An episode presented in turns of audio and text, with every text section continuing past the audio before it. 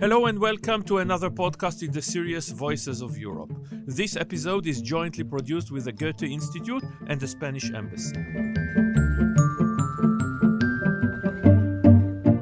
We all vaguely remember the following scene. We want to go on vacation. Airports, trains are crowded, not a single space in the parking lots. Certainly, if we have no choice but to go on vacation, while our children are also on vacation, mostly during the summer, the mythical vacances. And let's say we wanted to expand our horizons, visit a historic European city, enjoy museums and architecture, wander the streets, walk into bookstores, sit in cafes. This is the dream. The reality has often been an inconceivable queue at the entrance to sought after sites, and there is a reason why they are sought after because they are interesting and beautiful, not just to us, but to all mankind, it seems. Then, walking in and shuffling across the exhibits, there is no way to linger, there is no way to sit and delve into any of them. Then, a search outside for something to eat, to drink, even if we theoretically wanted to enjoy the local cuisine, we have no time, no place,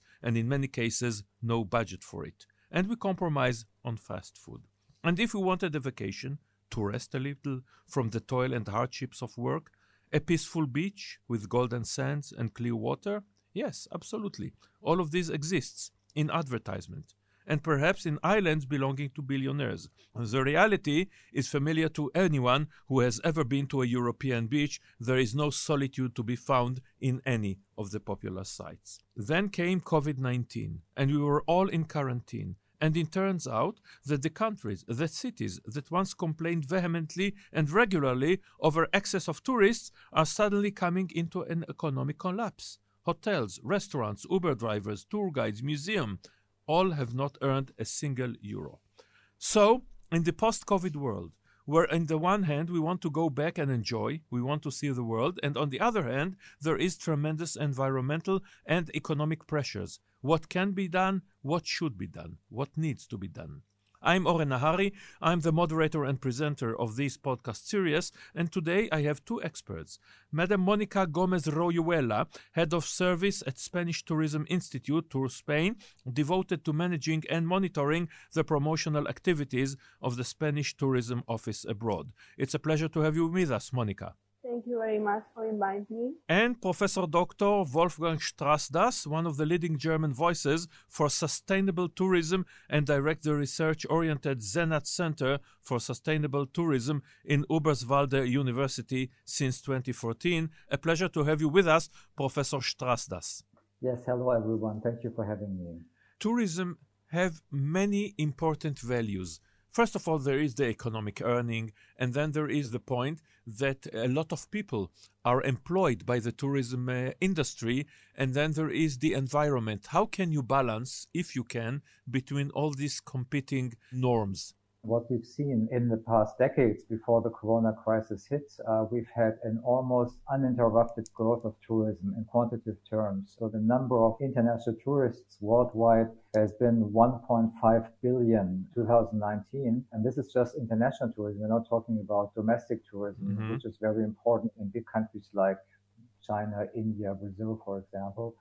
So that is the issue of how to manage that type of tourism. And I think what you said in the beginning is that people tend to flock to the most popular places. But I think that what the task of tourism managers would be to direct them and influence them in a way that they also visit less popular areas that are also beautiful. There's many areas that actually um, experience under tourism and that have already experienced under tourism before the COVID-19 crisis. So I think this would be one way to sort of, like you said, balance. But in reality, it doesn't work. Because when I want to visit Spain or Germany, I'll come and visit, I'll come to Madrid and Barcelona and Malaga and Cordoba and Sevilla and Granada, and I'll come to Berlin and Dresden and the Schwarzwald, etc. Very few people will want to go to very remote, uninteresting in that, that there is no natural sites or architectural sites over there just to visit an undistinguished village. It doesn't work.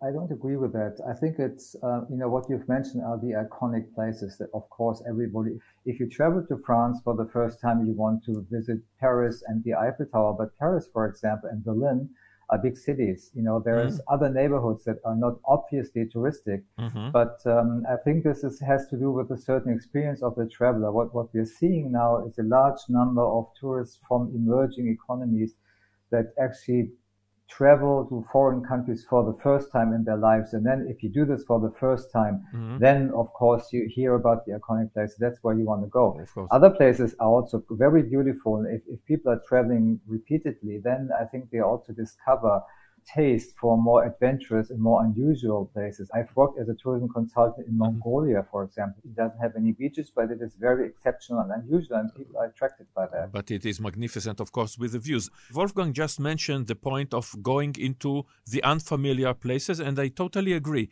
One of the options of going into these places is the cheap flights that have changed the world.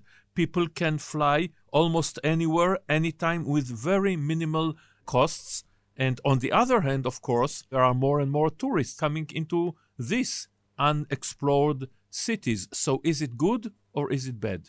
It is true that low cost airlines and others have democratized really tourism as, as a whole, given the opportunity to travel to also to low budget pockets, which mm-hmm. was impossible a long time ago. City breaks, for instance, are one of the examples, but there are critical voices claiming for the negative effects on the environment of these flights, promoting less polluting means of transportation, such as uh, electric trains, for instance. However, even if the greenhouse gases emitted by aircraft are mm-hmm. proved to be low, it is more or less less than 5% of the total, according to the IPCC, which is the panel of climate change. Mm-hmm. There is an increasing concern of climate change impact and people are becoming reluctant to take a plane. That's the problem. But in order to minimize this impact, airlines are implementing these days new policies and measures, as well as technical improvements promoted by the International Civil Aviation Organization, such as the offset of emissions. And this will be the trend in coming years tourism, we don't think about it uh, daily. We think about the ecological uh, footprint, we think about the economy, etc. One of the more important values, in my opinion, is exposing different cultures which is critical to many countries. And when people come to other countries, we think about other countries in terms of cliches many times. About India, we know what we think about, whether for good or bad, or France, or Spain, or Germany. And one of the ways to expose yourself, to expose to your people other cultures, is of course through tourism.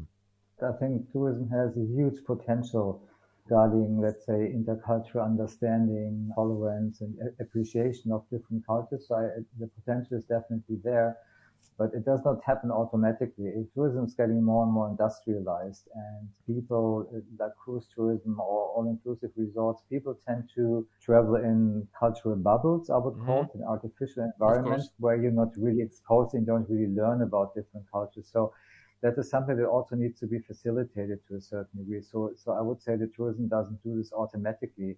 May I respond also to your previous question regarding democratization, what Monica just said? I think that's an important issue to consider when talking about regulation of tourism. But democratization of tourism doesn't necessarily mean that people have to be able to fly everywhere. You know, when I was, when I was young in the 1970s and 80s, my generation, we also traveled through Europe, and mm-hmm. but we did this by train. So it's not a matter of aviation. This can be done with other means of transportation as well. And you can also spend nice holidays in your own country or in, the, in a neighboring country. It is not necessary, uh, let's say, for democratization purposes to make it possible for everybody in the world to fly long haul. And by the way, this is only, this democratization has only taken place in the most affluent countries in the world. If we look at the, you know, at the world as a whole, with seven or eight billion inhabitants, it's a, just a small minority that is actually able to travel. And um, the, the contribution that, that tourism, especially aviation, actually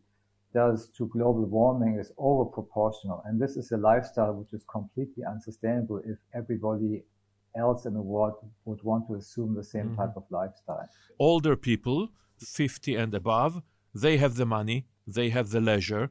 Grandfather and grandmother once were the people sitting at home and maybe watching television. These days, grandmother and grandfather are climbing the Himalaya, go everywhere with their backpacks, etc. So, what can be done to accommodate this very important group age? Perhaps another part of the tourism industry, which is the giant cruise ships. Are they a solution or are they a problem? I think um, there will be paradigm shift can change for the industry because of the focusing on senior travelers, for instance, because of the plummet of childbirth. Acting tourism for the elderly mm-hmm. can be seen as an opportunity for sustainable tourism as well, redistribute tourist flows throughout the year, mm-hmm. helping tourist industry to keep their income in low season. In addition, all people normally seek for higher standards and youngsters, and they are eager to spend more money at the destination and have more spare time, a sort of um, slow tourism, we could say. For instance, the parents of a friend of mine have made recently a round trip in their 70s around the world. I think they are one of the perfect uh, kind of tourists we can have because they have the money and the time to spend it. And in Spain, we have a policy to promote tourism for older people in low season with state subsidies programs. This way, with these policies, we can help hospitality mm-hmm. business to stay open in winter, where most of the hotels in the coast are closed. Since there is a clear dependence on sand and beach tourism in Spain, that, which is a trend we are trying to revert promoting other areas little by little. Completely on the other hand 180 degrees opposite of the giant ships is the ecotourism. And after all we tourists have been to paris and new york and all the big cities and seen elsewhere. And these days perhaps cycling even walking trekking even for older people doing part of the Santiago de Compostela or the Schwarzwald. This is a new and very, very successful with a lot of possibilities for new kind of tourism. No? I think there's a lot of potential also for more authentic types of tourism. But I'm not opposed to mass tourism. I mean, just like Monica has pointed out, it's a right of people, or it's one of the big benefits of affluent democratic societies that people can travel. And this, if, if we accept this as an achievement, then I think we cannot, we have to accept mass tourism as well. And in my opinion, mass tourism can be managed in a way that it, it actually minimizes negative impacts. But what you say, uh, I would see as complementary.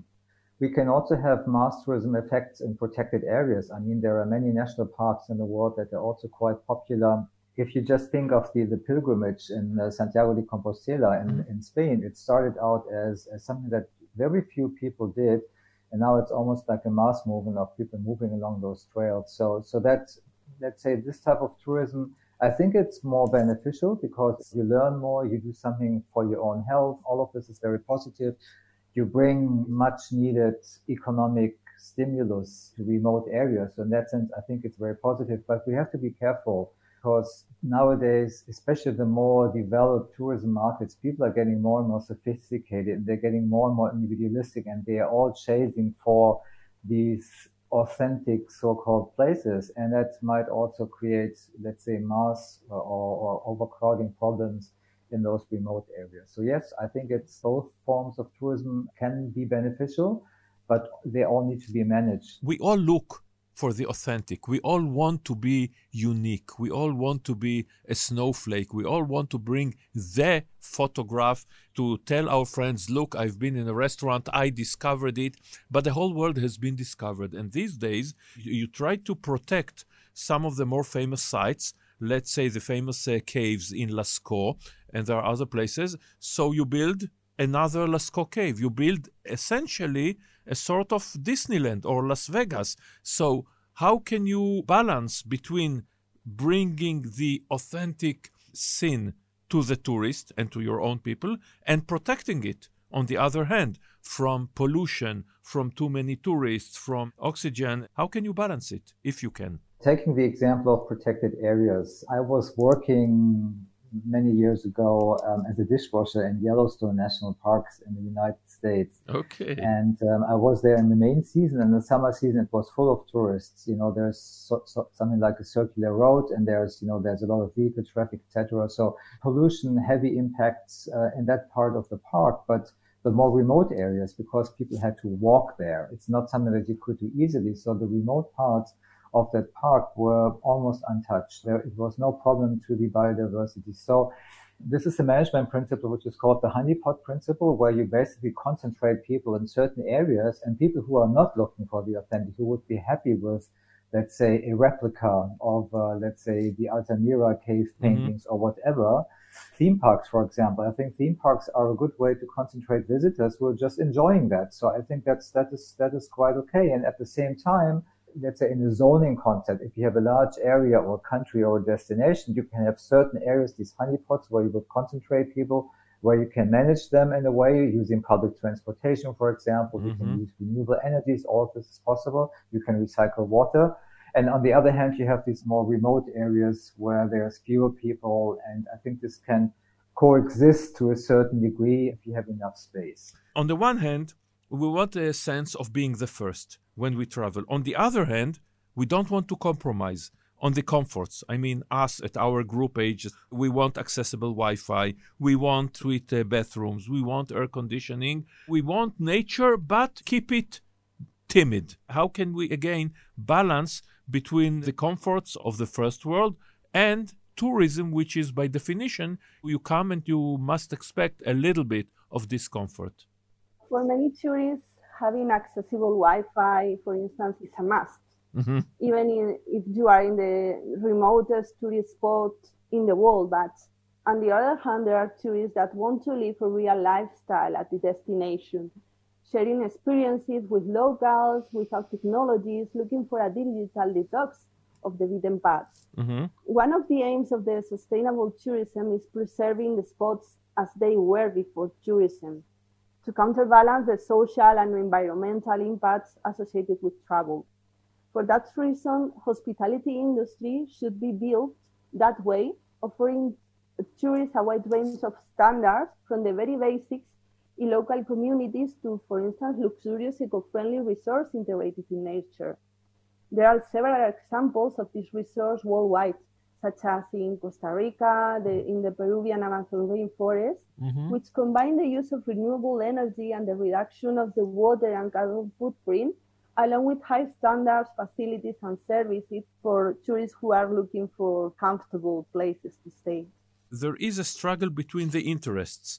The world, maybe, if we look at the natural resources and also the architectural and the museums, we could say we want half the number of tourists or even less. The country want as many tourists as it can get because it's the economy and then the city perhaps would love the tourists but doesn't want that many of them because the locals are complaining because the streets are crowded there is no place to park etc etc how can you combine all these interests for the better part of everybody concerned I think it can be balanced. I think we need to lower our own consumption levels. I think we are consuming way too many things, uh, including tourism. Mm-hmm. Um, um, there's also over traveling, I would say. And, and, you know, before Corona, people were, were taking short trips to anywhere because it was cheap, but it's not, this is not even good for yourself. I mean, it is stressful and all of this. So I would say that um, destination managers and tourism companies and tourists themselves, we should look for more high quality experiences where we spend more quality time at certain locations that we find interesting or peaceful. So in this sense, this is better for everyone. Also, spending more money is good for destinations. So rather having high numbers of tourists who are low spending, and this is one of the the problems of cruise tourism, many of the ports where the cruise tourists, they basically just flood the city and they are very present, but they do not spend that much money there compared to tourists who are staying overnight. So many tourism destinations are trying to attract more high quality tourists who are spending the night, who are spending some more time. And this way they also contribute more to the local economy. I think this is the way to go. Let's say that uh, the corona ends tomorrow. Well, within a year or so. What do you predict? Will the tourist industry return to its normal beforehand? I mean, with the cheap flights, with the Airbnb, with Uber, or something fundamental will change? I don't think so. I think our mentality, our minds have changed because of the pandemic. So I think we will try to consume tourism in a more conscious way. Also, I think because of the lockdown, for instance, it has helped to discover places from our surroundings we won't even know they exist, mm-hmm. even in our neighborhood and so on. So, because of that, I think there are some tourist treasures which are not being discovered, which are not unspoiled.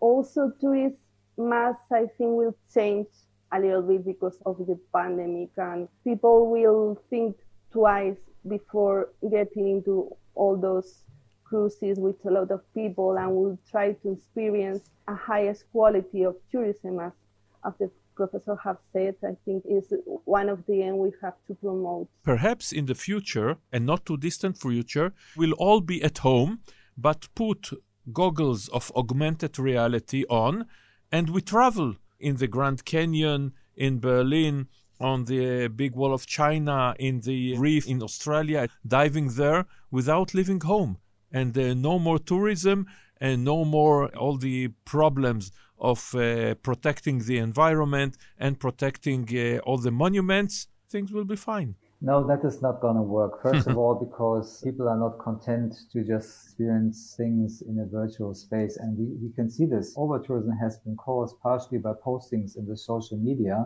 Mm-hmm. And what happens, people are not content to just look at what their friends did, but they, they're also flocking to those places and want to see them in reality. So I don't see that happening. And on the other hand, what we've discussed before is that to actually travel and actually experience reality, reality is always different from any virtual thing. So, so I think that is, that is very invaluable. You know, the other thing is what would happen to destinations where tourism is important economically. We are seeing this now. Just taking the example of the island of Mallorca, where, you know, mm-hmm. which has suffered so much, where people actually fell into poverty because of that. So this is not for, to me, this is not a desirable future, but to me, it's neither is a desirable future to just continue like we did before, because I would say that one of the biggest issues that we are facing is climate change. And if we don't stop climate change, we're going to end up in a catastrophe. And tourism contributes substantially to climate change, especially through air travel. And this is a pattern that needs to be changed. So yes, continue to travel. That's great. But it needs to be done by taking into account travel distances, the time I have for travel, all of these things I think need to change. Will it happen? I'm not sure. I think people, if they have lost something, they want it back. People have said, you know, we want our old lives back. We are not going to change. So I, you know, what, what will happen at the end, I'm not quite sure. Maybe a mixture of both. Thank you very much for this word. Thank you, Monica Gomez Royuela, Head of Service at Spanish Tourism Institute, Tour Spain, devoted to managing and monitoring the promotional activities of the Spanish tourism offices abroad. Thank you.